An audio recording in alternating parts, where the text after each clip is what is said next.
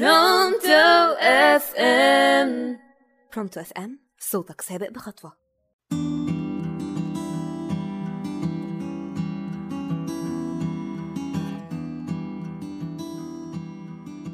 أهلا بيكم معانا أعزائي المستمعين وأول حلقة من برنامج المجتمع وسنين.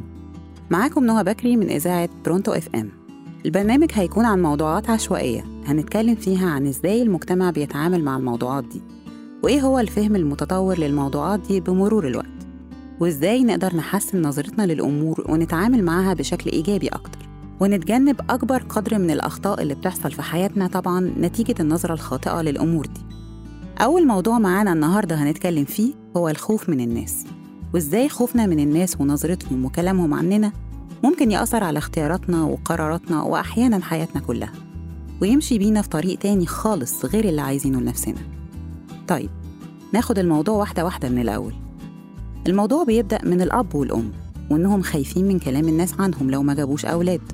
وممكن الأب والأم يكونوا أخدين قرار تأجيل الخلفة مثلا لكن بسبب ضغط كلام الناس اللي حواليهم يجيبوا طفل. يبتدي كلام الناس إنه طفل وحيد فالأب والأم يجيبوا طفل تاني.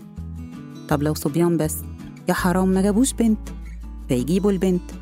يا خبر البنت لوحدها ملهاش أخت. فيجيبوا الطفلة الرابعة كمان. وأحيانا الأب والأم دول ما بيبقوش مستعدين نفسيا ولا ماديا لمسؤولية أربع أطفال وبيأثروا كتير جدا في تربيتهم أو الوقت اللي المفروض يقضوه مع أولادهم. لكن كلمة السر الناس هتقول إيه؟ نيجي بعد كده الأولاد كبروا لازم كلهم كليات قمة اللي هي من وجهة نظرهم طب وهندسة بس عشان الناس يقولوا ابني مهندس أو بنتي دكتورة ومش مهم إطلاقا الولاد نفسهم عايزين إيه أو إيه مواهبهم أو شغفهم في الحياة. المهم الناس هتقول إيه عن ولادي؟ خلصنا كليات؟ دخلنا في الشغل. لازم الأولاد يشتغلوا في مهن ومراكز كبيرة تبهر الناس. ومش مهم إذا كان أولاده عايزين يشتغلوا المهن دي أصلا وحابينها ومرتاحين فيها وقادرين يبدعوا فيها ولا لأ؟ خلاص كده؟ لأ لسه. الجواز. أنت في سن الجواز يا ابني أو يا بنتي ولازم نتجوز عشان الناس هتقول إيه؟ طيب الولد أو البنت لسه ما لقاش الشخص اللي بيدور عليه. ويبقى متفاهم معاه ويقدر يبني معاه حياة كاملة. باختصار شريك حياة مش مجرد جوازة. مش مهم كل ده. المهم ننجز بسرعة في التعليم والشغل والعلاقات عشان الناس هتقول إيه. والنتيجة طبعا إن معظم الناس للأسف عايشة حياة مش شبهها ما اختارتهاش. مشيت في طريق عشان خوفها من كلام الناس مش عشان هي عايزة الطريق ده. وهنا بقى نيجي لنقطة السمعة.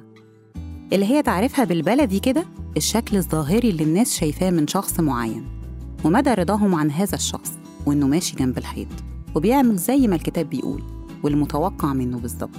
إنسان آلي يعني. ما بيفكرش ولا بياخد خطوة في حياته من نفسه. لا بيشوف الناس عايزة منه إيه وبيعمله. إنسان بلا روح. عايش ميت بس عشان خايف من الناس. خايف يبقى نفسه. في بقى نوع تاني من الناس بيعيش بوشين.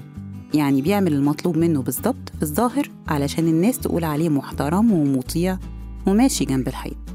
وورا الكواليس بيعمل كل حاجة غلط بدون ضبط ولا ربط.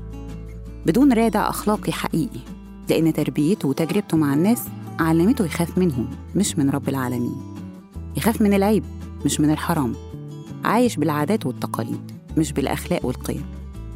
مرة حد قال لي أنا لازم أمشي مع الموجة. عشان ما بقاش غريب ومختلف وملفت للنظر والناس تتكلم عليا بقى الخوف حتى من الناس اللي ماشيين في الشارع ومن أي تصرف عفوي من القلب ممكن الناس تفسره غلط أو تتكلم بسببه عن الشخص طب أنا عايزة أسأل سؤال واحد هل الناس دي هتشوفك تاني؟ تعرفك؟ بتأثر على رزقك أو حياتك بأي شكل من الأشكال؟ رزقك وجوازك وشغلك كله بإيد رب العالمين وطالما ما بتعملش حاجة تغضب ربك يبقى ليه الخوف من الناس بالشكل ده؟ وتختار بإيدك تعيش في سجن للدرجة دي. المجتمع بيقول على نفسه مؤمن بالله ومتدين وهم أبسط حاجة في الإيمان مش عندهم. في قناعة كده إنه الناس تقدر تأثر على حياة الشخص أو رزقه حتى لو كلامهم بيقول عكس كده. لكن أفعالهم بتثبت إن دي قناعتهم. فلازم أعمل اللي الناس عايزاه مني عشان حياتي ما تتدمرش. سؤال تاني. هل أنت عمرك شفت شخص بيخاف من كلام الناس بقى متميز أو ناجح في مجاله وليه بصمته الخاصة؟ ووصل لمكانة ما حدش سبقه ليها؟ الإجابة لأ طبعا. كل الناجحين والمتميزين ناس مختلفة.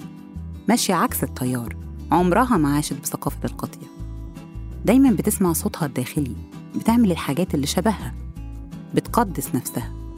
وما بترضيش أي حد حتى لو كان الأهل على حساب نفسها. وبالمقابل كل اللي عاش بعقلية القطيع فضل شخص عادي ممل باهت زيه زي ملايين غيره. ملوش أي صفة مميزة لأنه كبت اختلافه وتفرده بسبب خوفه من الناس.